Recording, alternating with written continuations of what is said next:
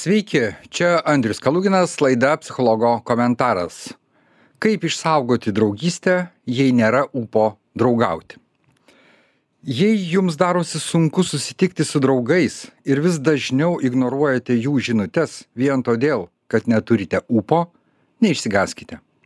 Bendravimas net ir su geriausiais mūsų aplinkos žmonėmis kartais išvargina, bet tai nereiškia, kad esame prasti draugai energijos ir noro bendrauti trūkumas gali signalizuoti kad kažkas vyksta negerai. Taigi jei turite ilgalaikį norą atsiriboti nuo tam tikrų žmonių bet nesate su jais susipykę gali būti kad jaučiate draugystės perdegimą. Tai tokia riba kai palaikyti draugystę tampa sunku ir norisi nuo jos pailsėti.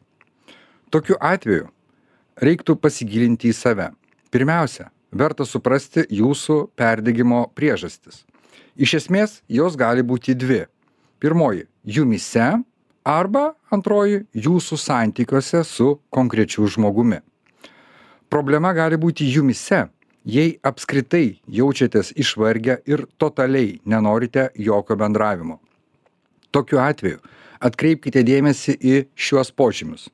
Nuolat sergate, jaučiatės palūžę, dažnai skauda galva, yra svaigulys ar nuolatinis mieguistumas. Jaučiatės išsiblaškę galvoje tuštuma. Sunku telkti dėmesį. Dažnai nerimaujate ir jaučiate pastovią įtampą.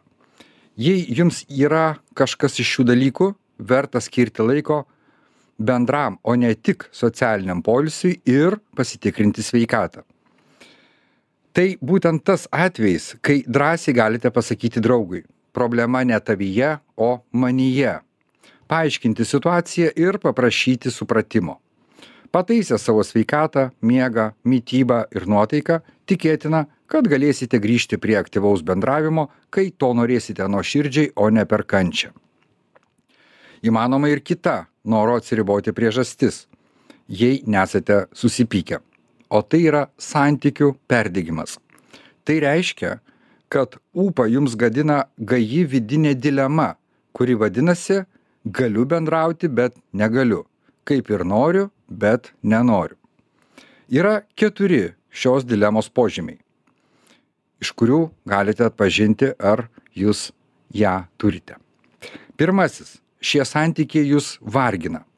Jaučiatės išsekę atidavę visas jėgas ir nebeturite kantrybės būti kartu tiek laiko kiek anksčiau dažnai jaučiate kaltę atsakydami draugui ne bet ir toliau pasiduodate jo prašymams susitikti. Antrasis požymis santykiai jums nebeįdomūs nuobodu. Greičiausiai išaugote iš šios draugystės. Pasikeitė jūsų vertybės o interesai nebesutampa. Trečiasis jaučiatės beviltiškai. Žinote kad nesugebėsite draugui išsakyti savo tikrų jausmų o bandymas nuoširdžiai pasikalbėti išvirs į nemalonų santykių aiškinimąsi. Ketvirtasis požymis. Žmogus jus išdavė apgavo pavedė arba sumenkino prie kitų ir jūs dabar nežinote ką ir kaip jam pasakyti. Tai jus neramina ar net žemina bet vis tiek jaučiate sentimentus arba kažkokį moralinį įsipareigojimą tam žmogui.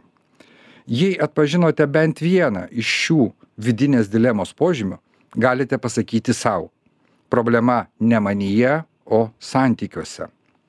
Tai reiškia kad nėra blogų žmonių tiesiog mums tinka arba ne.